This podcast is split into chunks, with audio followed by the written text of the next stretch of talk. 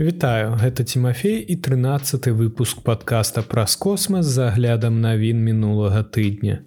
Сёння я раскажу вам пра няўдалы запуск Virgin Orbit, першы запуск старship у лютым, пра персеверанс, які адзначае свой першы марсіянскі год, Саюз МС23, першую пацверджаную скалістую планету і іншым. Давайте пачынаць.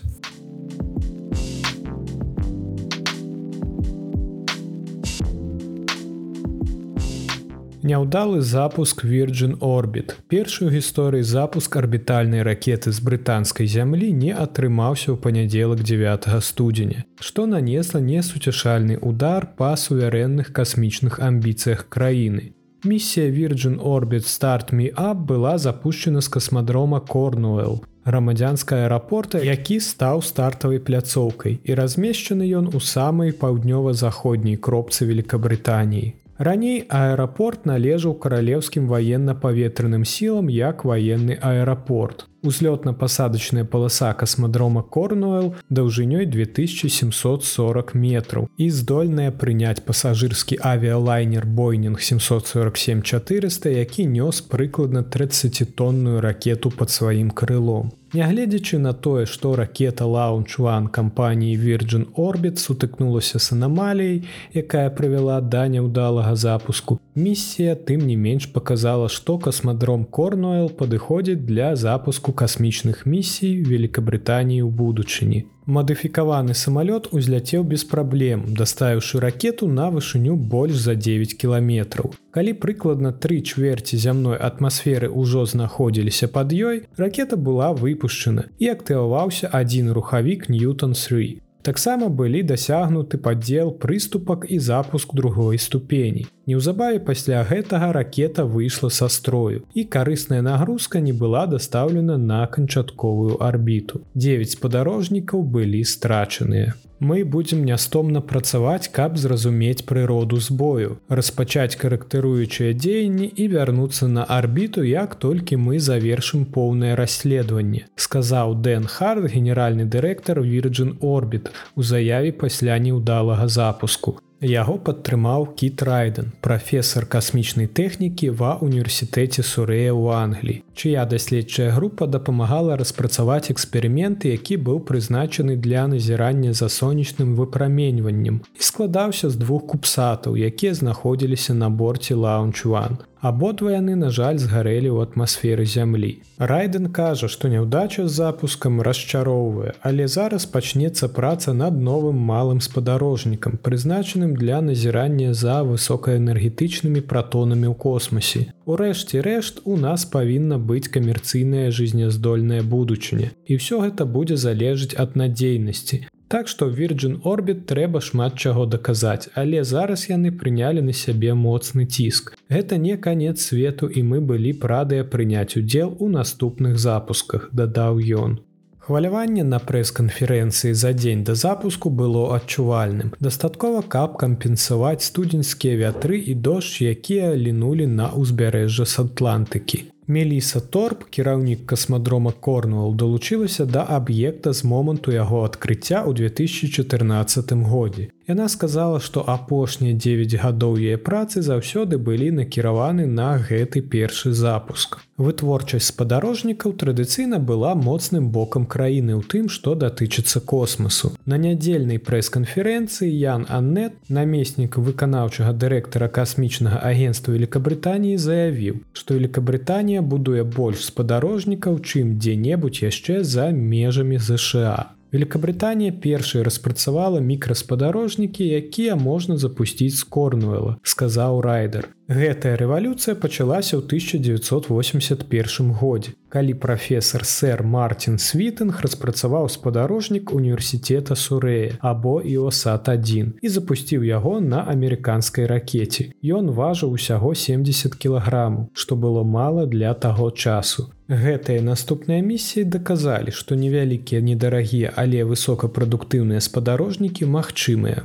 Адным з самых апошніх дасягненняў касмічнай інжынерыі ў краіне было ўзначаліць еўрапейскі кансорцыум у стварэнні прыбора сярэдняга інфачырвонага дыяпазону або міры на борце касмічнага тэлескопа Джеймса Вэба. Прылады, якая дазваляе тэлескопу бачыць зрушанае ў чырвоны бок святло далёкіх астранамічных аб'ектаў. З іншага боку след краіны ў космасе невялікі ў параўнанні з яе еўрапейскімі суседзямі. Сёння ёсць адзін актыўны брытанскі астранаўт Тимати Пік, але з 18 былых членаў атрада астранаўтаў ЕСа ні адзін не быў брытанцам. Великабрытанія таксама ніколі не мела суверэнных пускавых магутнасцей. Бліжэй за ўсё краіна падышла да гэтага ў 1971 годзе. Калі яна запустила адну са сваіх 300 ступеньчатых ракет Black Arrow у космас з аўстралійскай зямлі вывеўшы даследчы спадарожнік на нізкакалязямную арбіту. Нягледзячы на гэты паспяховы запуск у тым жа годзе праект быў адменены ўрадам Великабрытаніі з-за эканамічных прычын.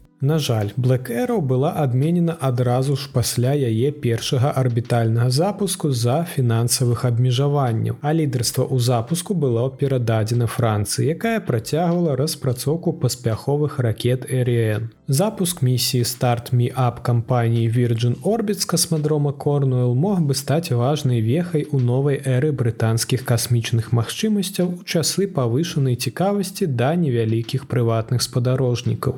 Толькі за апошнія некалькі гадоў мы назіраем хуткі рост эканомікі нізкай калязямной арбіты, сказаў Ян Анет, намеснік выканаўчага дырэктара касмічнага агенства Великабрытаніі. Такім чынам вызначана ёсць сігнал аб побыце на запуск малых спадарожнікаў у космас. Сусветная касмічная эканоміка каштуе больш за 360 мільярдаў долараў, а эканоміка запускаў складае каля 20 мільярдаў долараў. Мы можам быць здольныя сядзець на часткі гэтага рынку паведамленні ад касмічнага агенства Великабрытаніі праз некалькі гадзін пасля правалу місіі гаворыцца, што гэта не пахавальны звон для арбітальных запускаў з Великабрытаніі. Напярэдадні місіі ў панядзелак агенства заявіла аб тым, што касмадром Корнуэл пэўна зацікаўлены ў правядзенні яшчэ аднаго запуску Virgin Orbit пазней у 2023 годзе касмадром корнуэл усё яшчэ мае першую великабрытанію ліцэнзію на касмадром выдадзеную яму управленнем грамадскай авіяцыі ў лістападзе мінулага года.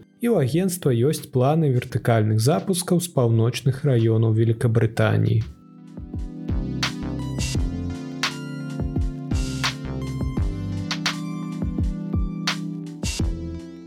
Калі гаворка зайшла пра запускі, то SpaceX можа запусціць першы арбітальны старшып у лютым, кажа Ілон Маск. Велізарны касмічны карабель SpaceX можа ўпершыню выйсці на арбіту ўжо ў наступным месяцы, калі ўсё пойдзе па плане. На працягу некалькіх месяцаў SpaceX рыхтавалася да першага гісторыі арбітальнага выпрабавальнага палёту старшып сваёй транспартнай сістэмы наступнага пакалення для далёкага космасу. Цяпер кампанія магчыма знаходзіцца на фінішнай прамой у такой падрыхтоўчай працы, патэнцыйна дазваляючы старшып адарвацца ад зямлі. У нас ёсць рэальны шанец на канец лютага. Спроба запуску ў сакавіку здаецца вельмі верагоднай, заявіў заснавальнік і генеральны дырэктар SpaceX Ілон Маск у цвітары. SpaceX распрацоўвае старшып для дастаўкі людзей і грузаў на месяц і марс. Гіганскі транспартны карабель складаецца з двух элементаў, абодва з якіх прызначаны для паўторнага выкарыстання. Адзін з элементаў гэта велізарная паскаральная першая прыступка, названая суперхэві. Другі гэта касмічны карабель верхняй прыступкі вышынёй 50 метраў і вядомы ён як старшып. Маючы адбыцца арбітальны выпрабавальны палёт, відаць будзе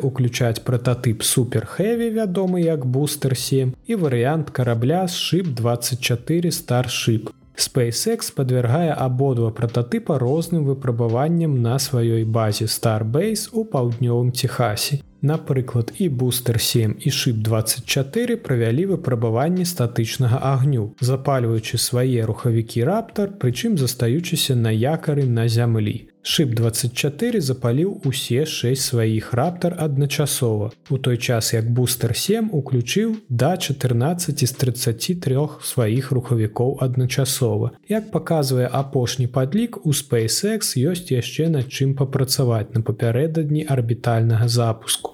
Мас сказаў, што кампанія правядзе поўны статычны тэст 33 уключанымі рухавікамі з дапамогай бустер 7 перш чым запусціць яго. Маючы адбыцца выпрабавальны палёт стартуе са Starbase. Шып 24 зробіць адзін абарот вакол зямлі, а затым прызямліцца ў ціхім акіяне ля гаваяў. Бустер 7 зробіць уласнае прывадненне ў мексіканскім заліве ля ўзбярэжжа Техаса. Арбітальныя выпрабаванні стануць першым выпрабавальным палётам старship з 5 мая 2021 года. У той дзень трохматорны прататып зоркалёта под назвай SN15 узляцеў прыкладна на 10 кіламетраў у неба Техаса, а затым вярнуўся да бяспечнай пасадкі на Starbase. На гэтым тыдні SpaceX асцярожна змясціў старship 24 на вяршыню суперхэві. Я пакіну спасылку на гэтыя эпічныя здымкі і відэаўстаноўкі, абавязкова паглядзіце, як гэта выглядае. Это будзе адзін з самых хвалюючых і захапляльных запускаў гэтага года. Я яшчэ буду расказваць пра гэта ў наступных выпусках подкаста.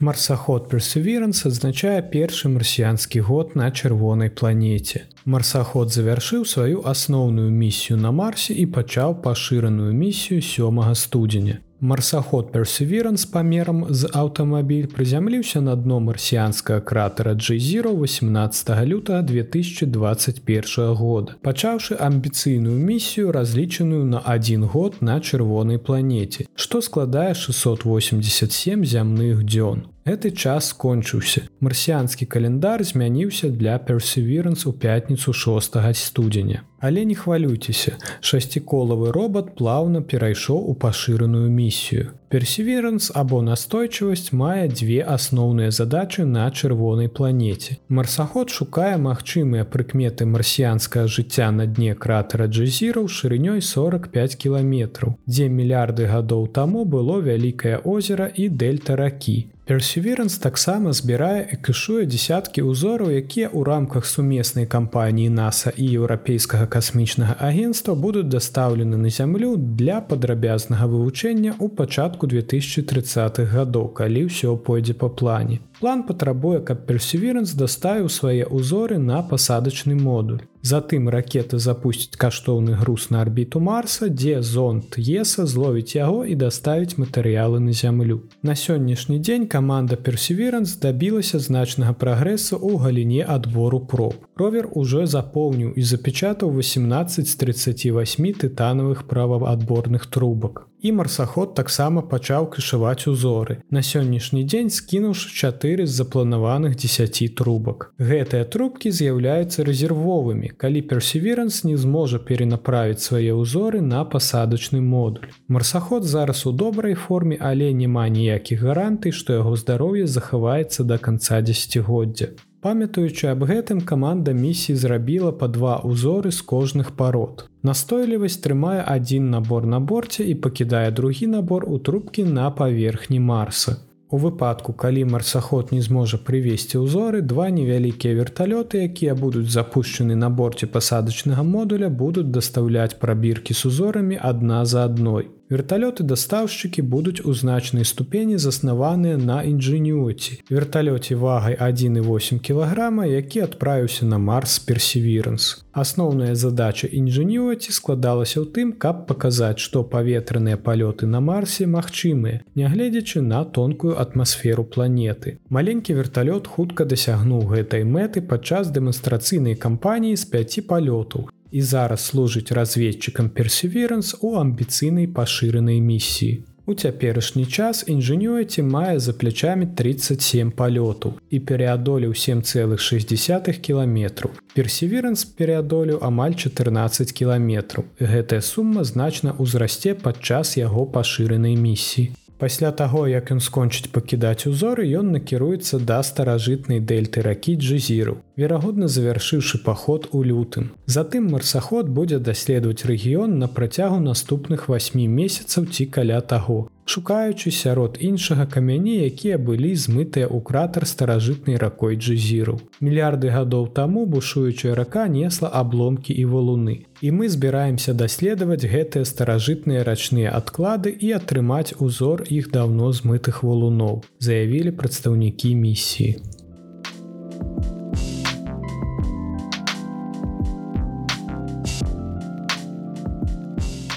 Расія запусціць новую капсулу саюз для замены пашкоджанага касмічнага карабля на мкс расійскае касмічнае агенцтва запусціць пустую капсулу саюз на міжнародную касмічную станцыю у лютым. Каб замяніць пашкоджаны касмічны карабель на якім небяспечна вяртацца на зямлю экіпажу з трох чалавек новы касмічны карабель саюз мс23 будзе запущены 20 лютага з касмадрома байкануру казахстане для замены пашкоджанай капсулы саюз мс22 на станцыі у якой 14 снежня адбылася утечка астужальнай вадкасці пасля пасля сутыкнення з верагодным мікраметэарытам. Новы касмічны карабель Саюз паслужыць новай выратавальнай шлюпкай і зваротным караблём для астранаўта Наса Фрэнка Рубія і касманаўтаў Роскосмасу Сергея Пракоп'ева і Дмітрия Пяцеліна.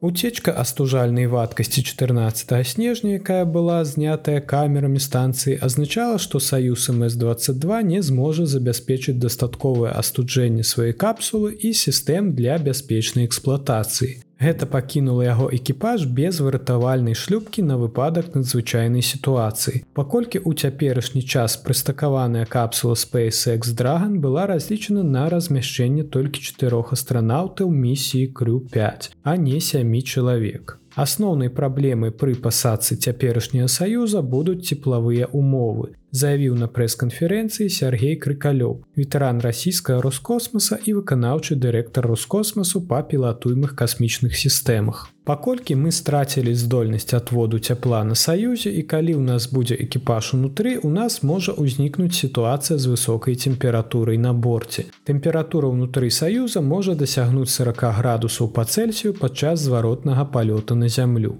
Таксама у замкнёнай прасторы капсулы будзе расці ўзровень вільготнасці. Зваротны палёт саюза на зямлю займае не менш за 6 гадзін і можа заняць больше часу. Такая тэмпература не будзе здаровай для экіпажа. Два астранаўты і касманаўт вернуцца на зямлю на борце карабля саюза МС23, але калі менавіта пакуль невядома. Іх місія будзе працягнута на некалькі месяцаў, Таму што іх саюз 23 першапачаткова павінен быў даставіць на станцыю новы экіпаж у сакавіку. Цяпер гэтаму экіпажу давядзецца чакаць завяршэння будаўніцтва яшчэ аднаго новага карабля саюз МС24. Між тым NASA ацэньвае затрымкі запуску свайго астранаўта місію крю6 на капсуле SpaceX Dragon у ракете Falалcon 9 у цяперашні час нацэлены на 16 лютага. Магчымы хвалявы эфект, паколькі NASA і Расія мяняюць графікі запуску. Нягледзячы на тое, што пашкоджаная капсула Саюз МС22 непрыдатная для перавозкі людзей, яе ўсё ж накіруюць на штатную пасадку ў Казахстан. Гэтая пасадка адбудзецца праз некалькі тыдняў пасля таго, як на станцыю прыбудзе новы саюз МС23. Роскосмас загрузіць саюз МС22 вынікамі навуковых эксперыментаў, якім не пашкодзіць больш высокая тэмпература падчас палёту на зямлю. А новы касмічны карабель саюз МС23 пры запуске будзе загружаны дадатковым грузам замест чалавечага экіпажу.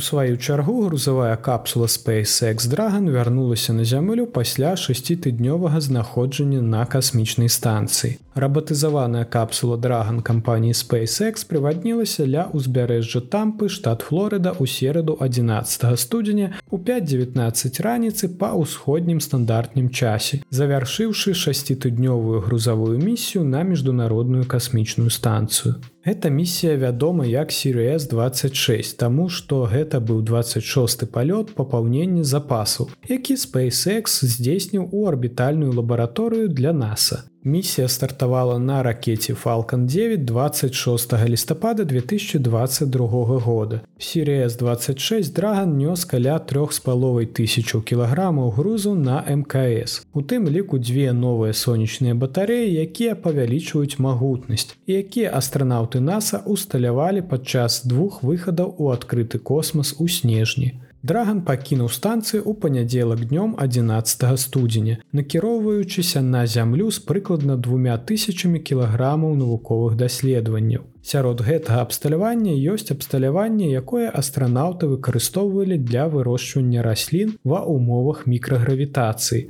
Абсталяванне для эксперыменту па біяразведцы, які знаходзіцца на борце касмічнай станцыі і камізелька астрарад, прызначаныя для абароны касманаўтаў ад шкоднага выпраменьвання. Члены экіпажа насілі камызельку астрарад пры выкананні паўсядзённых задач і давалі водгукі аб тым, наколькі лёгка яе апрануць, як яна яна падыходзіць і адчуваецца, а таксама аб магчымым дыяпазоне рухаў пры яе нашэнні. Распрацоўшчыкі камызелькі плануюць выкарыстоўваць гэтую зваротную сувязь для паляпшэння дызайну адзення, якая можа забяспечыць радыяцыйную абарону для астранаўтаў падчас місіі атэміс на месяц ніякі іншы грузавы карабель мкс які цяпер знаходзіцца ў эксплуатацыі і можа так бяспечна даставіць абсталяванне на зямлю як гэта робіць драган. Два іншых дзеючых грузавых караблі касмічны карабель сігну з кампаніі нартроп груман і расійскі прагрэс згараюць у атмасферы зямлі калі іх час знаходжання на арбіце заканчваецца Да арбітальнай лабараторыі ўсё яшчэ прыстыкаваны адзін драган. Капсула для экіпажа Endurance, якая даставіла чатырох астранаўтаў на МКС у рамках місіі SpaceX Crew 5 для NASAа ў пачатку кастрычніка. Чакаецца, што Endurance і яго чатыры пасажыры вернуцца на зямлю ў сакавіку.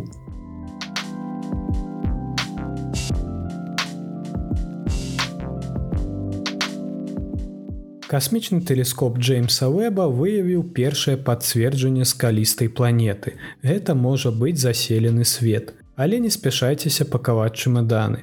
Праз крыху больш за год пасля свайго запуску гістарычны касмічны тэлескоп Джеймса Вэба выявіў сваю першую камяністую экзапланету. Яе назва LHS 475B. Эта планета памерам зямлю і такая жа гарачая, як Венера і размешчаная на ўсяго ў 41 светлавым годзе ад зямлі. Працэс праектавання вэба пачаўся, калі навукоўцы ідэнтыфікавалі толькі некалькі экзапланет. А абсерваторыя не была прыстасавана для выяўлення іншапланетных светаў. Аднак цудоўная оптыка тэлескопа і ў прыватнасці яго здольнасць падзяліць святло ад крыніцы па даўжыні хвалі робяць яго магутным інструментам для вывучэння планет і кандыдатаў планеты. Дадзеныя вэба робяць значна больш, чым проста пацвярджаюць існаванне экзапланеты. Назіранні таксама паказваюць, якія газы акружаюць іншапланетны свет, што з'яўляецца важнай інфармацыяй для разумення таго, на што падобная планета.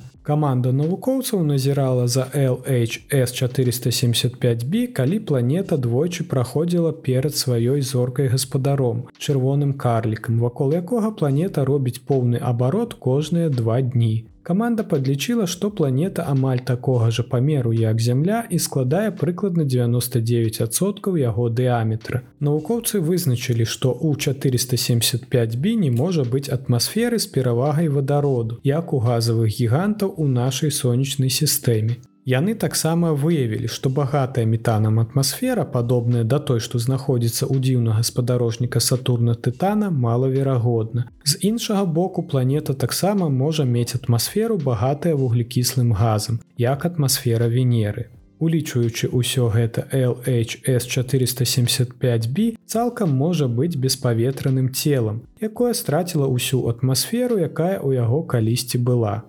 Гэта толькі першае з многіх адкрыццяў, якія веб зробіць. З гэтым тэлескопам скалістыя экзапланеты стануць новай мяжой, гаворыцца ў заяве.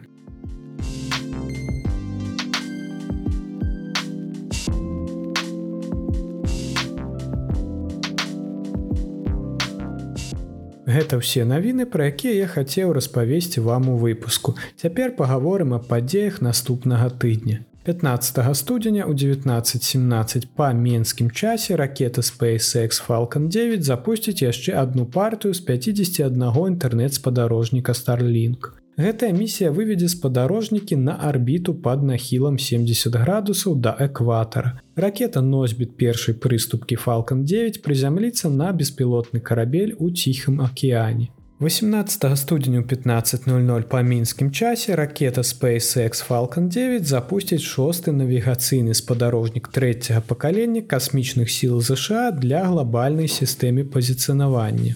Ракета носьбіт першай прыступкі Falалcon 9 прызямліцца на беспілотны карабель у Атлантычным акеане. 21 студзеня надыходзіць маладзік. І гэта ўсё, што нас чакае на бліжэйшым тыдні. Дзякуй, што даслухалі да канца, а таксама вялікі дзякуй маім патронам. На вялікі жаль падкаст у Spotify недаступны для слухачоў з Беларусі. Мае шматразовыя звароты ў падтрымку споце не далі ніякага выніку. Я прапаную выкарыстоўваць вам іншыя платформы для праслухоўвання. Я дадам таксама падкаст на Яндекс музыку і іншыя папулярныя платформы. Давайте разам імкнуцца пашыраць і прасоўваць нашу беларускую мову. Да пабачэння пачуемся на наступным тыдні.